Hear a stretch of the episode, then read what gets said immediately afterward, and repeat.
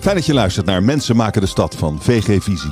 Ik was toen uh, directeur van de bank. Toen dacht ik, ja, weet je, het zijn hele goede ondernemers die bij mij aan tafel zitten. Weet je, die kan een kop koffie geven, maar als het om krediet gaat, dan word ik gewoon teruggefloten. Ik ben Roelof Hemme en mijn gast is Edwin Adams, oprichter en eigenaar van geldvoorelkaar.nl. Leuk je ontmoet, Edwin. Ja, dankjewel. Uh, leuk je hier te ontmoeten. Geld voor elkaar uh, is een crowdfunding platform. Je kunt er investeren in vastgoed en in MKB-ondernemingen. Het bestaat nu ruim 10 jaar en heeft al een slordige 400 miljoen euro opgehaald voor in totaal zo'n 2000 projecten. Um, Edwin, we gaan er zo over praten. Ik zou je iets beter willen leren kennen. Ik heb een stuk of 20 vragen voor je. Gaan overal over. Ik verwacht een kort antwoord. Toelichting komt daarna. Hoe oud ben je? Ik ben 53. Waar ben je opgegroeid? In Zoetermeer. In welke stad, in welk dorp ligt je hart nu? In uh, Renen. Ben je een binnen- of een buitenmens? Uh, buitenmens. Ben je introvert of extravert? Uh, kan allebei, afhankelijk van de situatie. Kan allebei? ja. Dat is niet echt een keuze. In de basis ben ik introvert. ben je een sporter of een studiebol? meer een sporter. Ben je een socialist of een kapitalist? Ja, ook allebei eigenlijk. Maar dan toch meer uh, neig ik naar kapitalist. Risico's nemen of risico's mijden? Uh, nemen. Wie is je grote voorbeeld? Grote voorbeeld? Dat is een hele goede vraag. Ja, misschien toch mijn ouders. Uh... Wie van je ouders? Ja, allebei. Zij okay. waren ook ondernemers en daar heb ik wel veel van geleerd. Ben je geworden wat je wilde worden? Uh, nee. Ben je geworden wie je wilde worden? Uh, bijna. bijna. werken of vrij zijn? Uh, werken. Thuis koken of buiten de deur eten? Nou, thuis laten koken. Is Europa te lief of juist te streng voor de financiële sector? Uh, te streng. Drijven beleggers de prijzen op van huizen? Uh, nee, dat zijn de bankiers.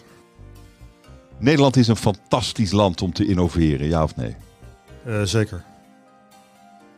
Een overspannen woningmarkt is juist interessant voor beleggers. Eens of oneens? Uh, eens.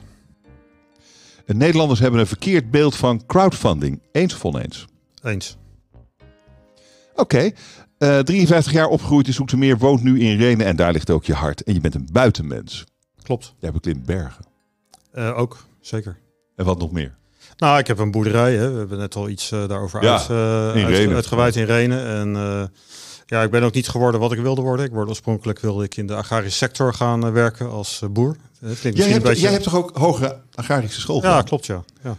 Oké, okay. waarom ben je geen boer geworden dan? Ja, dat, dat vraag ik me ook wel eens af. Ben je wel een beetje boer nu? Nou, nu wel. Ik heb nu vier hectare grasland en ook een paar schapen en ook een boerderij. Dus ik ben wel redelijk in de buurt van wat ik uiteindelijk toch wilde worden. Maar ik uh, heb inderdaad uh, de, de landbouwhogeschool gedaan. Uh, wel de afdeling of de, op, de cursus, of nee, ik moet zeggen de opleiding, opleiding bedrijfskunde. maar ik kwam er al snel achter dat als je ouders geen boerderij hebben of als je ja, niet zo kapitaalkrachtig bent, hè, dat het eigenlijk onmogelijk is om een eigen bedrijf op te richten. Maar je bent al heel eind met de boerderij in Renen met vier hectare eromheen. Ja, Nog een beetje erbij en je kan gewoon overstappen. Ja, klopt. Maar is dat, dat je grote doel? Nou, het is wel 30 jaar later dan ik het bedacht had. Hè? Want ik ja. praat nu eventjes over uh, ja, de, de, de, de ja. studiekeuze die ik toen gemaakt heb en wat ik toen wilde worden. Uh, ja, dus, dus in mijn hart zit er nog steeds een beetje. Maar hoe word je dan? Hoe word je dan? Want je hebt je hele leven in de financiële sector gewerkt. Ja, klopt. Uh, dus ik, ik, kwam erachter eigenlijk tijdens mijn studie dat het, ja, het agrarisch gebeuren dat het eigenlijk niet haalbaar is. Ja, toen in die tijd toen ik afstudeerde was het een beetje lastig om een baan te vinden. Dus toen kon ik ergens terecht, in dit geval bij een verzekeraar. En toen dacht ik van nou, dan ga ik dat wel doen. En eigenlijk ben ik toen een beetje in de financiële dienstverlening ja. blijven hangen. Een boer achter een bureau. Nou, daar komt het wel een beetje op neer, ja. Voor een buitenmens zie ik heel veel binnen, dat is zeker. ja, ja, ja. Nee, ja. En, en, je, bent, je noemt jezelf dan een kapitalist, maar ook een socialist. Dat is uh, interessant. Ja, klopt. Kijk, de, als je, als je natuurlijk kijkt naar, naar crowdfunding, we gaan daar denk ik zo meteen nog Zeker. verder over hebben, ja. uh, dan, dan zit daar zowel een, een kapitalistisch trekje in als ook een, een sociaal trekje. Het coöperatieve misschien. Het coöperatieve. Dat is het natuurlijk. Het, ja. het, het gunnen van, van iemand aan iemand, hè, aan een ondernemer van uh, kapitaal. Uh, dat, dat zijn natuurlijk niet alleen de investeerders, hè, maar wij als platform moeten daar ook een rol spelen. En daar zit het sociale aspect in. Um, nou, je bent dus niet geworden wat je wilde worden. Boer. Uh, maar je zegt uh, op mijn vraag: ben je geworden wie je wilde worden? Zeg je bijna. Ja, klopt. Wat is, wat is, wie wil je worden? Uh, ja, wie wil je worden? Dat vind ik een hele lastige vraag om zo te beantwoorden. Ehm, Kijk, als je, als je, als je het bekijkt vanuit, vanuit het ondernemerschap en, en ook de maatschappelijke rol hè, die wij vervullen, in, weliswaar op een, op een, op een ja, klein niveau, hè, want we mhm. zijn natuurlijk een, relatief klein bedrijf, dan, dan is het wel de wens geweest om, om zeg maar het anders te doen hè, dan de bankaire sector zoals we die vroeger kenden en de verzekeringssector hè, zoals we die vroeger kenden. dus wij wilden, uh, een van de drijfveren van mij was dat ik meer transparantie wilde. Dat, dat, dat, dat, dat het duidelijk is als je, als je geld ergens investeert waar dat geld in ondergebracht wordt. Dat het duidelijk is hoe de koststructuur in elkaar zit. Al die dingen die uh, vandaag de dag redelijk normaal zijn. Die waren vroeger wat minder normaal. En uh, ja, toen ik terugkeek op mijn bankaire en verzekeringscarrière, zeg maar.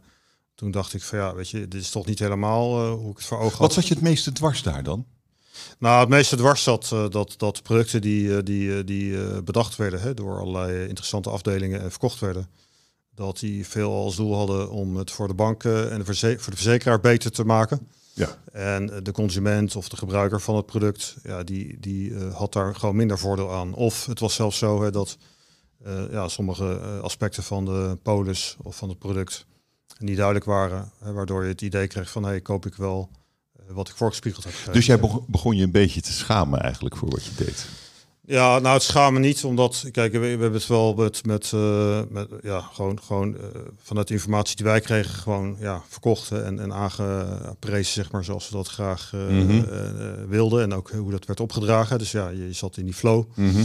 Maar later werd het duidelijk hoe het precies in elkaar zat. Ja, en toen dacht ik van ja, dat is niet helemaal oké. En, en nu ben je een socialistische kapitalist met een ideaal dat hij bovendien verwezenlijkt heeft. Dat is natuurlijk leuk. Um, daar, daar gaan we zo zeker over, over spreken, over wat, uh, wat, wat dan, hoe jouw ideaal vorm heeft gekregen. Uh, maar ik wil, ik, ik wil eerst nog even uh, iets horen over waarom je zegt dat Europa te streng is voor de financiële sector. Zeker gelet op wat je me net vertelde.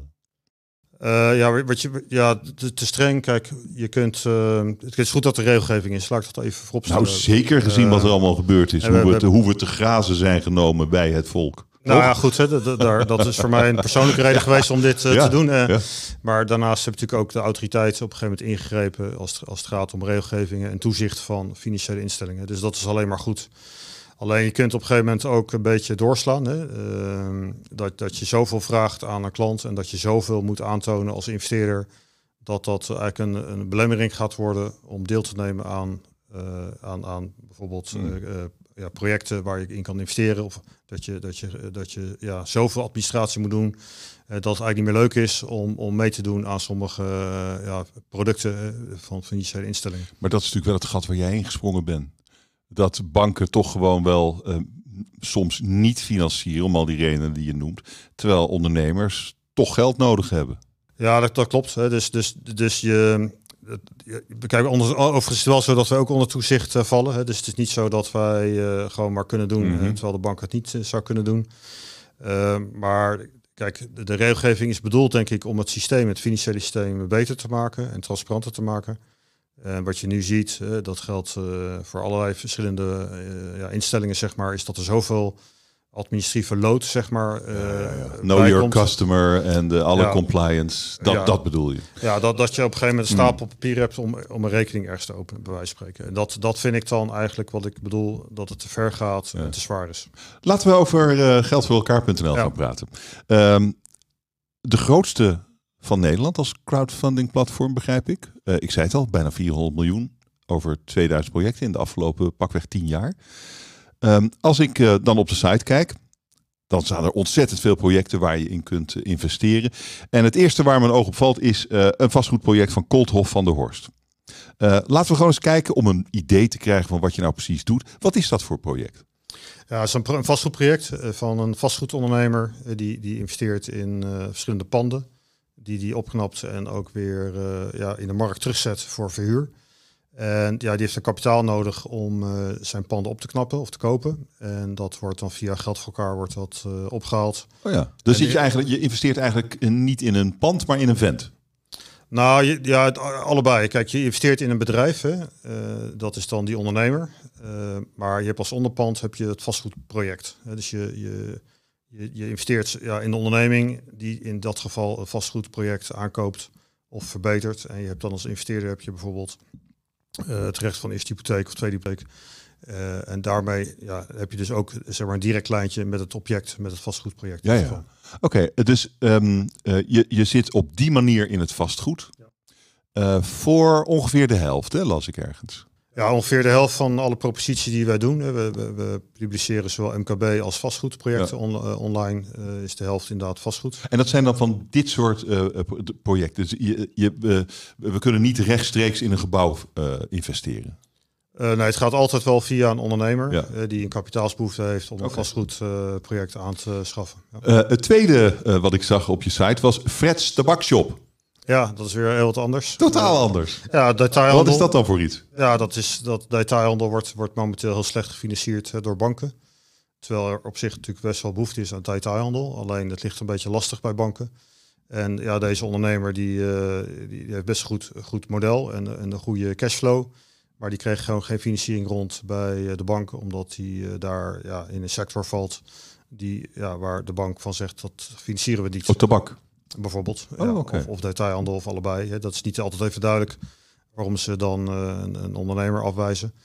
Uh, nou ja, goed, die, die ondernemers verder gaan kijken en die heeft op een gegeven moment uh, gekozen voor crowdfunding. En heeft gewoon gezegd, veel, weet je, ik, ik, wil graag geld ophalen, dit is mijn businessmodel. beste investeerder, hè, als u interesse heeft en u wilt een leuke rentevergoeding, dan kunt u in mijn project investeren. Ja, ja. Ik zou denk ik nog wel twee keer nadenken voor ik in tabak zou investeren. Uh, hoe goed Fred het misschien ook eh, doet met zijn nou, bedrijf. Maar uh, dat ja. is toch wel, toch wel een, een, stervende sector, zou je zeggen. Ja, klopt. Maar, maar, maar aan de andere kant is er nog steeds uh, behoefte aan. het, is, het is ook gewoon een legale handel natuurlijk. ja, ja, daar, natuurlijk. Je kan er ook principiële bezwaren tegen hebben. Van, van ja, ik, ik investeer liever ook niet in tabak, maar in, okay. in dingen die verduurzamen bijvoorbeeld. Maar ja, goed, dat is een keuze. Ehm, wat, wat vind jij zelf het, het, gekste, verrassende of gaafste project dat via jouw site is langsgekomen? Nou, het meest indrukwekkende vond ik wel eigenlijk dat wij op een gegeven moment een verzoek kregen van een bedrijf om vliegtuigen te financieren. En dan moet je denken aan verkeersvliegtuigen, Boeings of Airbussen. Uh, ja, uh, toen, toen, dacht ik, ja, dat is een geintje. Hè? Dat kan helemaal niet. Want dat zijn veel te dure en te grote projecten eigenlijk voor uh, in de sector waar je. Ja, wat kost een vliegtuig? Ja, die vliegtuigen kosten misschien een paar miljoen. Maar dat zijn, dat zijn de toestellen die. Een paar honderd miljoen misschien wel. Ja, een nieuwprijs. Hè? Maar, oh. in dit, maar in dit geval gaat het om uh, gebruikte toestellen die na 20 jaar of zo uit de vloot genomen worden. Die toestellen die worden dan gerecycled door dat bedrijf. Dus de onderdelen worden eruit gehaald en, en ja, op, opgeknapt, zeg maar. Wat leuk. En, en die onderdelen die worden dan weer terugverkocht aan de, de, ja, de luchtvaartmaatschappijen die dat bepaalde type vliegtuig nog in gebruik hebben. Is dat een succes geworden?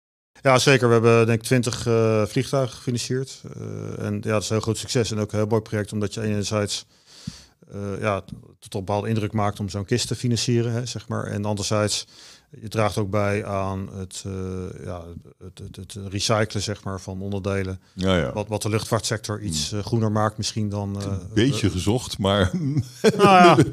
misschien wel ook wel een beetje waar. Het is, Heb ja. je, investeer je ook zelf in dat soort dingen? Als je denkt, er komt iets super gaafs langs. Ja, zeker. Doe je mee. Ik doe, doe zelf ook mee. Ja. En ik vind het ook heel leuk om ja, ah. zelf te bepalen waar ik mijn geld in kan investeren. In verschillende projecten. Dus ik, ik maak ook eigen keuzes erin. Uh, sommige dingen doe ik wel, sommige dingen doe ik niet. En uh, ja, dat, dat vind ik hartstikke leuk. Wat biedt het hoogste rendement eigenlijk? MKB of vastgoed? MKB biedt het hoogste rendement. Uh, als je dat tenminste bekijkt vanuit het rentepercentage wordt wordt aangeboden. Je moet wel denken, MKB, dat dat op 7, 8 à 9 procent zit. Alleen je moet ook gelijk bij uh, zeggen dat, het, dat uh, de dekking, hè, dus de zekerheid die erop zit van zo'n project, ligt vaak wat lager dan vastgoed. Hè. Bij vastgoed heb je natuurlijk het recht van hypotheek, hè, dus een onderpand. Uh, dat, dat geeft natuurlijk bepaalde zekerheid uh, voor jou als investeerder. En dan moet je denken aan een eh, rente van 5, 6 procent. En dat ligt dus iets lager dan bij MKB. Dat, maar dat is de netto rente. Dat is gewoon wat je krijgt. Netto rente, ja. Dus... Oké, en wat, maar wat is dan jouw verdienmodel?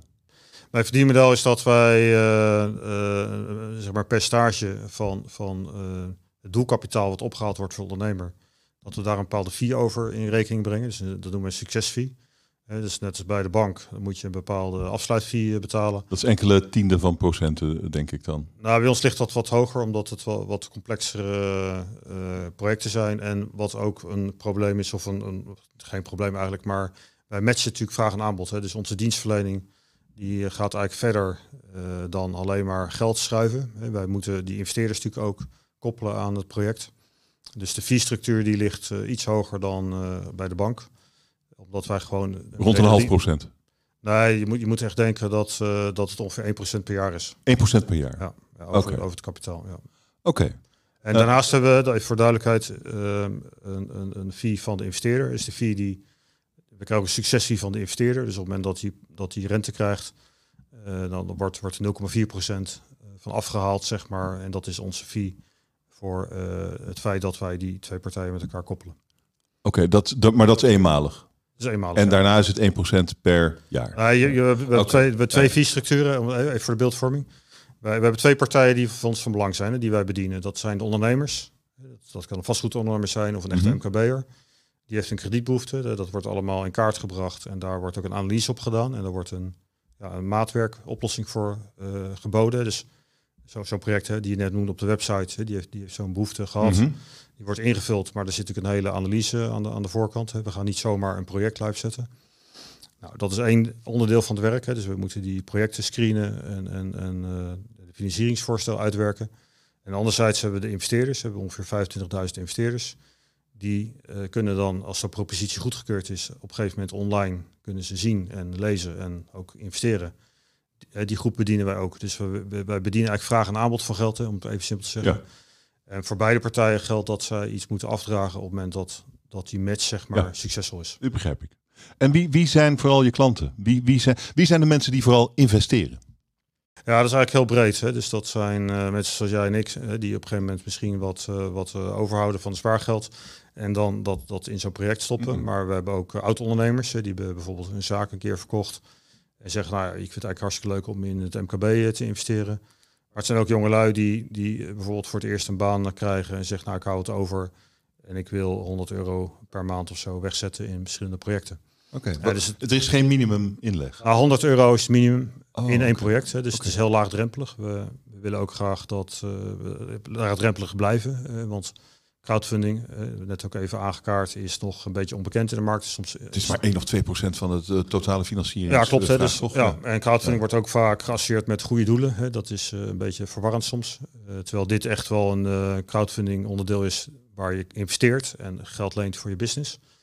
en we willen graag de drempel hè, voor het publiek zo laag mogelijk houden. Hè, want we weten gewoon dat mensen nog erg gewend zijn om te bankieren. Nou, men is daar niet helemaal tevreden over de afgelopen jaren natuurlijk. En je ziet gewoon dat er een verschuiving plaatsvindt. Dat mensen op een andere manier uh, mogelijkheden zoeken om, om geld te laten renderen. Ja, dan is het ook wel fijn als je, als je natuurlijk met iets nieuws in aanraking komt, dat je met vrij lage bedragen kan ja. opstarten. Ja, en, en het is natuurlijk voor vastgoedondernemers interessant. Dan niet voor de hele grote vastgoedondernemers, denk ik. Maar voor de relatief kleine bedrijven is het natuurlijk fantastisch. Ja, zeker. Want anders ben je gewoon niet in business.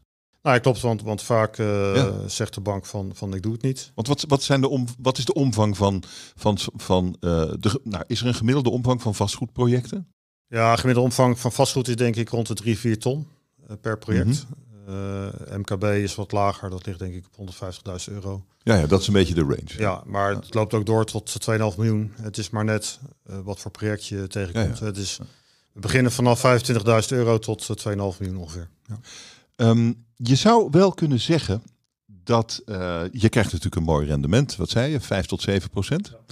Ja. Um, het is mooi, want bij de bank krijg je niks of moet je zelfs betalen.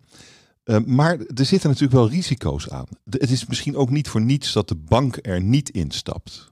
Is het niet een linkere manier om je geld te investeren dan het nou ja, in aandelen te zetten? De spaarrekening is in elk geval veilig. Wat zijn de risico's? Uh, ja, kijk, er zitten risico's aan verbonden. Uh, kijk, sparen is veilig tot 100.000 euro. Want dan heb je die bankgarantie. En, en, je, moet, je moet bijbetalen. Dus je weet zeker dat je geld verliest. Hè, maar je weet ook dat dat uh, beperkt is tot een half procent. Ja, maar dat is toch op een ton 500 piek per jaar. Ja, dat is, dat is uh, zonde van je geld eigenlijk. Ja, als je veel tonnen hebt, maakt het misschien weer minder uit. Nou, goed, je, dat, nou ja, het is wel zonde van je geld. Nee, maar juist mensen die, die, die, wat meer hebben, die, die, die zijn daar denk ik heel alert op. Ja. uh, en wat je ziet is dat, dat uh, dat is niet het enige probleem. Je hebt natuurlijk ook de inflatie, de geldontwaarding. Gaat vrij hard tegenwoordig, 6,4 procent de laatste keer dat ik keek. Ja, zeker. Nou, ga maar eens uh, tanken aan de pomp. Hè. Dan zie je wat, wat de prijzen doen van, van bijvoorbeeld. Uh, dus als ik bij jou investeer, kan ik net mijn geld op waarde houden eigenlijk op nou dit ja, moment. Als, als jij inderdaad, als jij nee, maar dat is inderdaad waar. Is als, het, als, als jij Ja. 6% netto rendement haalt, Ja. wat op zich niet ondenkbaar is, dan, dan hou je inflatielevel bij. Maar er zijn natuurlijk risico's. Laten we daar even naar kijken. Hoe vaak leiden investeerders verlies op jouw platform? Ja, als je kijkt naar onze statistiekpagina, dan is het ongeveer zo dat, dat 1%, eh 1,2%, dat, dat, dat is eh, verlies. Hè. Dus 1% van je rendement, ruim 1% van je rendement moet je, van je bruto rendement moet je eigenlijk afboeken, gemiddeld genomen. Hè, dus iemand die eh, zeg maar streeft naar 6% rente of 7%, hè, die, die zal, als die goed spreidt, en stel dat hij een technische spreiding heeft over de hele portefeuille, zou die eh, een procent minder netto overhouden doordat er af en toe een project niet succesvol is. Oké, want dat is dan een slimme manier van investeren via jouw eh, platform, namelijk overal een beetje in doen. Ja, ik zou zeker aanraden. En, en je ziet ook de mensen die, die eh, ja, gewoon net rendement halen, dat die goed spreiden.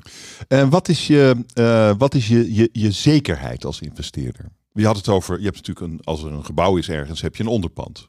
Ja, dat- maar dat- hoe, hoe werkt dat dan als je het via crowdfunding doet? Ja, dat is een goede vraag. De, kijk, we hebben een stichting zekerheden, even een technisch verhaal, maar je moet je voorstellen dat als je als investeerder meedoet en je hebt bijvoorbeeld eh, een zekerheid van, van vastgoed, hè, van een onderpand, dan wordt dat in onze stichting wordt dat, eh, wordt dat eh, vastgelegd. Hè. Dat wordt notarieel vastgelegd. En die stichting die beheert eigenlijk die zekerheden. Dus op het moment dat het dan niet goed zou gaan met zo'n vastgoedproject, hè, dus dat hij niet meer terug zou betalen, Mhm. dan zouden wij eh, als, als, eh, eh, als bedrijf kunnen zeggen, nou we gaan eh, dat, het pand verkopen, we gaan die zekerheid uitwinnen en dat is dan ten gunste van de investeerders. Heb je dat wel eens eh, moeten doen? Nee, niet voor vastgoed, maar we hebben wel eens, we hebben wel eens eh, naar de rechter moeten gaan om eh, het geld op te halen, zeg maar via een eh, vonnis van de rechtbank. Ja. Ja, Het loopt natuurlijk altijd slechter af als dat nodig is. Ja kijk, Dus de, daar schiet je echt niets mee op natuurlijk. Nee, ik, ik, ik, ik vind nou, eh, als, als we een default hebben, dan, dan, dan zie ik dat zelf altijd een beetje als een persoonlijk eh, nederlaag of een persoonlijk falen. Dat is natuurlijk niet helemaal waar. Nou ja, maar je, doet, je, je moet natuurlijk wel je, je, je, je best doen om je fee waar te maken. Jij, Ja. jij moet natuurlijk wel zorgen dat het rendement van je investeerder zo hoog mogelijk is. Ja, nou absoluut. Kijk, Wat wij- doe je daarvoor? Nou ja, eigenlijk, eigenlijk alles. Kijk, alles wat wij doen, zeg maar, is in het kader van screening van projecten. Dus we willen gedegen projecten eh, voorleggen aan Hoe ver gaat die screening? Ja, die gaat heel ver. Eh, De, ehm, we hebben het net een beetje gehad over regelgeving. Eh, dat, je, heel veel moet doen hè, voor je, voor, om je klant te leren kennen, naar je customer verhaal. En wij gaan ook heel ver om, om een analyse te maken van het klantprofiel en de, en de achtergrond van, van de financiële situatie, al dat soort zaken. Krijg je als investeerder ook allemaal te zien? Nee, niet alles. Nee, want wat heel Oh, veel informatie. Nou, kijk, wat wij doen is dat we een, summary en beknopte samenvatting geven op de website van, het, van de aanvraag. Mhm. Hè, dus investeerder heb je zeker een indruk, een goede indruk van, oké, waar stop ik mijn geld in? Maar heel veel informatie eh, als het gaat om eh, de persoonlijke IB-aangiftes en, en eh, al dat soort zaken, die, die zetten wij natuurlijk niet online. Nee. Dat is niet zichtbaar voor Jan Alleman. Maar er komt er een groen vinkje bij of zo. Ja, we, we kijken of er geen calamiteiten zijn geweest of problemen en dan komt die in de regel door de screening uit. Oké, en hoe zorg je dan dat de geldnemer ook werkelijk afdraagt? Wij, wij hebben een contract met eh, de, de geldnemer, een leenovereenkomst en ook een incasso-overeenkomst. Oh ja. En wij, wij kunnen dus iedere maand incasseren van zijn rekening. Dus dit gaat eigenlijk nooit fout. Eh jawel, nee, het gaat wel fout. Ja, maar, maar niet vaak dus. Je zegt, je- Nou, hebt één keer een rechtszaak moeten voeren. Nou, ik, we, nee, we hebben wel eens meer rechtszaken gevoerd. Oké. Eh, dus dat, op 2000 projecten zou dat wel heel mooi zijn. eh, maar dan, dan zou de kraan eigenlijk... eh, Hoe vaak, gebeur, hoe vaak gaat het dan mis op die 2000 projecten? Ah, we we een, zeg maar, we hebben 1% ongeveer, hè, wat, wat je aan rendement Dat is moet, eh, eh, 20. moet inboeten. Dat, ja, ik denk, ik denk dat wij eh, ongeveer bij 5% van de projecten wel eens een akkefietje Oh. hebben.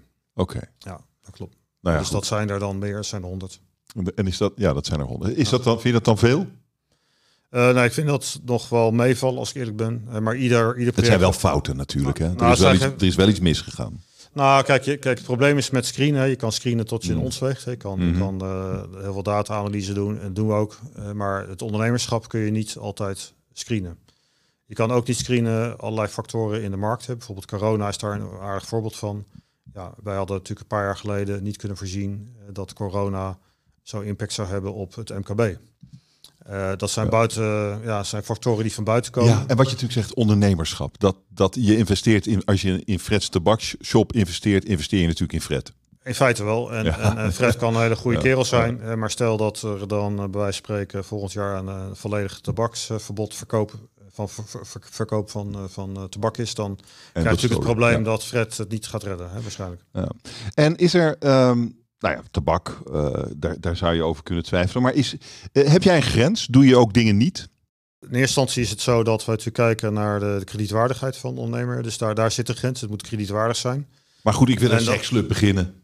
Ja, dan ligt en ik wil een beetje geld hebben. Ja, dat ligt wat lastig. Uh, dat doe je niet? Nee, want dan zit wel met de pitch van hoe ga je dat van uh, beeld, beeld geven. Nou, dat is niet zo moeilijk te bedenken natuurlijk. Nee, maar, dat, maar of heb je daar een moreel bezwaar? Want het, het nou, is natuurlijk een legale business. Het is een legale business en iedereen moet ook doen wat hij zelf wil, uh, vind ik. Nou, alleen... je mag roken en seks mag ook. Ja, nou is ik zo. Maar even, daar heb je zelf iets tegen. Nou goed, wij, kijk, het probleem is een beetje, kijk, wij, wij als we als platform hebben, we zijn natuurlijk een, een openbaar platform wij zijn natuurlijk best wel gevoelig hè, voor reputatie. Hè. Dat gaat om, om, om goede projecten en, en default. Hè. Dat, dat speelt een hele grote rol. Maar ook hoe is de informatie over uh, de projecten en, en, wat voor soort projecten bied je aan. Nou, en dan is het wel zo, als ik eerlijk ben, hè, dat ik bepaalde segmenten liever niet doe. Omdat dat in de beeldvorming zeg maar, van geld voor elkaar een uh, ander, andere uiting geeft dan we graag zouden. Dat begrijp ik ook wel. Maar uh, oké, okay, in, in de sekswereld zijn het, nou, is, lijkt me ook lastig. maar is er nog meer waar je zegt van nou dat doe ik gewoon niet? Nou ja, een simpel voorbeeld. We doen geen uh, entiteiten die in het buitenland gevestigd zijn. Om maar even een simpel voorbeeld te noemen. Risico te groot. Ja, wij, wij kunnen lastig uitwinnen in, in het mhm. buitenland. Hè. Dus stel dat daar een, een, default ontstaat, een wanbetaling. Ja, dan is het wat lastiger, ook juridisch, om daar uh, maatregelen te nemen. Ja. Je bent uh, als ondernemer krankzinnig gegroeid. Ja. Het gaat echt met tientallen procenten per jaar. Hoe verklaar je dat? Nou ja, goed. Je, enerzijds zijn de marktomstandigheden natuurlijk goed. Hè. We hebben denk ik wel juiste vinkje aangevinkt op het gebied van wat voor soort business ga je doen. Er is natuurlijk een enorm gat in de, wat, wat de markt wil en, en wat, wat de financiële sector aanbiedt op dit moment. Dat is eigenlijk niet alleen nu, maar ook al de afgelopen tien jaar zo. Ik bedoel, we, zijn eigenlijk begonnen in de kredietcrisis uh, in 2009, 8 uh, met het idee en in 2010 zijn we live gegaan. Waarbij het, het heel duidelijk werd uh, dat, dat het hele financiële systeem, dat dat af en toe trilt op zijn grondvesten. Want als er dan ergens een probleem is, dan, gaat, dan schakelt het helemaal door in de hele, in de hele keten. Dus toen lag opeens de kredietverstrekking stil. Nou, je ziet nu ook met... Uh, en dacht jij toen, ik heb het? Nou, ik dacht, nee, want ik had zelf een bank. Hè, dus alleen ik zag, ik zag natuurlijk van binnenuit ja. wat er gebeurde. Ik, ik was toen uh, directeur van de bank. Toen dacht ik, ja, weet je, het zijn hele goede ondernemers die bij mij aan tafel zitten. Weet je, ik kan ze een kop koffie geven, maar als het om krediet gaat, dan word ik gewoon teruggefloten. Hè. Dus daar, daar zat een, een probleem hè, van, van ja, eigenlijk eigenlijk is het een raar systeem dat, dat bepaalde omstandigheden bepalen dan of de bank welwillend is of, om wel of geen krediet te verstrekken. Ja, en jij, jij, kon het eigenlijk niet? Nee, want ik, ik aan alle regels gebonden. Nee, want ik zou persoonlijk dat krediet verstrekt hebben als bankier. Alleen ja, onze afdeling RIS toen, hè, die zei ja, weet je, we hebben, we hebben opdracht gekregen om uh, geen krediet te verstrekken of minder. Dus we doen dat niet, punt. Weet je? Dus daar, daar zat gewoon natuurlijk een, een, een beleidsmaatregel achter. Die, die ongetwijfeld ook wel uh, en toen dacht je, kapper mee, ik begin voor mezelf. Nee, en ik nee, ga het op, een, nou, op een nou, andere manier doen. Dat, ja, ik dacht dat toen wel een beetje af en toe van, ja, weet je, kan eigenlijk mijn klanten niet goed, uh, goed van dienst zijn. Uh, maar we zaten toen in een concept, uh, dat was een franchise-organisatie van de ING. En dat stopte, want de Postbank en de ING-bank gingen fuseren. En eigenlijk was de trigger dus dat die formule stopte, in combinatie met kredietcrisis. En het feit dat ik dus ja, geen baan had eigenlijk, hè, want het, het stopt allemaal was de belangrijkste trigger ook om na te denken van oké, okay, uh, terugkijkend op, op mijn uh, ja, carrière hè, bij verzekeraars mm -hmm. en banken, hè, waar ik dan ja, af en toe uh, bedenken bij had. En hoe kan je het nou anders doen? Dat, dat was de trigger om te kijken naar de ontwikkeling van crowdfunding. Zou, zou je kunnen zeggen dat jij als crowdfunding platform eigenlijk veel meer aandacht, persoonlijke aandacht kunt geven aan ondernemers en investeerders dan banken dat kunnen? Ja, op dit moment wel. Zeker voor de, voor de kleine kredieten. Je moet het eigenlijk niet zo zien dat, dat eh, kijk, de bank heeft eh, de wens om vergeautomatiseerd kredieten te verstrekken. Dat is ook een noodzaak, hè, want de bank moet met zijn kostenstructuur ja, dat in de gaten houden. Dus er moet een soort ja, automatisme zijn, hè, of, of een computersysteem mm die dan zegt yes or no, hè, dat, dat verhaal. wij hebben natuurlijk een hele kleine organisatie, veel, veel ja, minder overhead dan banken. Dus wij kunnen ook kleine kredieten tot een miljoen euro kunnen wij, denk ik, met veel meer aandacht voor de klant kunnen wij gewoon oppakken. Ja, omdat, omdat wij gewoon een lager kostenniveau hebben. Bij een miljoen vindt de bank het ook niet erg als je langskomt, toch? Nou, ze, ze vindt het nooit erg als je langskomt. Hè. Dat, dat, dat zal wel apart zijn. Maar we weten uit, uit de cijfers dat, dat kredieten tot een miljoen die worden gezien als klein. En die moeten eigenlijk allemaal door een geautomatiseerd systeem heen. En dan is het wel zo dat als jij daar net een vinkje niet hebt, ja, dat je gewoon vaak geen krediet krijgt. Zit jij in een, uh, los van jouw bedrijf, dat natuurlijk groeit als school, maar um, zit jij ook naar jouw gevoel echt in een groeimarkt? Crowdfunding, ja, het, het is maar 1 of 2 procent van de totale uh, behoefte aan financiering wordt gedekt door die platforms, geloof ik. Uh, dus je zou kunnen zeggen, het is een groeimarkt. Zie je dat ook? Ja, zeker. De, de, de crowdfundingmarkt groeit ook hard. Dat heeft te maken met ook de marktomstandigheden. Dus enerzijds zie je dat crowdfunding wat meer volwassen wordt. Hè. De, de, acceptatiegraad wordt hoger. Mensen raken er meer bij bekend. Dat is denk ik een belangrijke factor. En een tweede factor is dat als je kijkt naar de kredietverstrekking van de grote jongens, zeg maar, dan zie je gewoon dat dat steeds verder doorgaat, doorschuift, moet ik eigenlijk zeggen, naar grotere kredieten. die zijn voor banken vaak interessanter dan de kleine kredieten. Ja, en wij zitten net in dat segment, hè, kleine kredieten tot een miljoen. Ja. Waar de meeste uh, ja, afwijzingen ook plaatsvinden, denk ik. Uh, er zit, uh, er, er zit natuurlijk nog, waarschijnlijk zit er geen grens aan je groei, of wel? ja, er zit wel altijd een grens aan iemands groei. Hè. Dat, ja, dat, maar die is nog lang niet bereikt, denk ik. Nou, ik denk, denk dat de crowdfundingmarkt zich steeds verder ontwikkelt. En maar er zit, er zit wel aan het, aan het eind van dit jaar komen er toch nieuwe Europese regels aan voor crowdfunding platforms. Ja. En, en wat zou dat dan betekenen? Wat komt er precies? Nou, we, er is Europese wetgeving ontwikkeld. Uh, crowdfunding was tot nu toe, hè, even voor duidelijkheid voor de luisteraar, was, was wel gereguleerd, maar minimaal. Hè. Dus wij, wij, konden eigenlijk vrij makkelijk bewegen in de markt. De regulatie was heel beperkt, ook omdat crowdfunding helemaal nieuw was. Hè. De AFM, toen ik daar voor het eerst was, toen wisten ze ook überhaupt niet wat het, wat het was, crowdfunding. Hè. Dat, dat hebben wij toen, toen ook uitgelegd en, en hoe we dat wilden hebben. Nou goed, inmiddels zijn we dus wel wat jaartjes verder. En, en de crowdfundingmarkt is ook zeer professioneel geworden hè, de, en groter geworden. Je moet dan denken aan 2 miljard, wat, al, wat al uitgezet is aan allerlei uh, projecten. Um, en dat zie je niet alleen in Nederland, maar ook in Europa. en eigenlijk wereldwijd. Nou, dan staat er automatisch een behoefte aan regulatie. Want ja, de toezichthouders die, die kijken ernaar. En op een gegeven moment als het wat groter wordt, zeggen ze ja, nu willen we graag wel dat het ja, maar dan aan regeltjes voldoet. Maar dan is het uit met de pret natuurlijk. Nou, dat is wel, wat is wel een risico. Waar ben je bang voor? Nou, dat het overgereguleerd wordt. Hè. Dus dat je, dat je als bedrijf zoveel uh, lasten krijgt. Dat je een bank wordt. Dat, je, nou ja, dat je inderdaad een bank wordt. In die zin dat je, dat je ja, zoveel kosten moet maken om, om het profiel van je klant in eh, kaart te brengen. En alles maar te noteren en, en, te regelen dat, dat het, uh, de koststructuur hè, van, van kredietverstrekking, dat dat eigenlijk te hoog wordt. In verhouding met het bedrag wat je uitzet.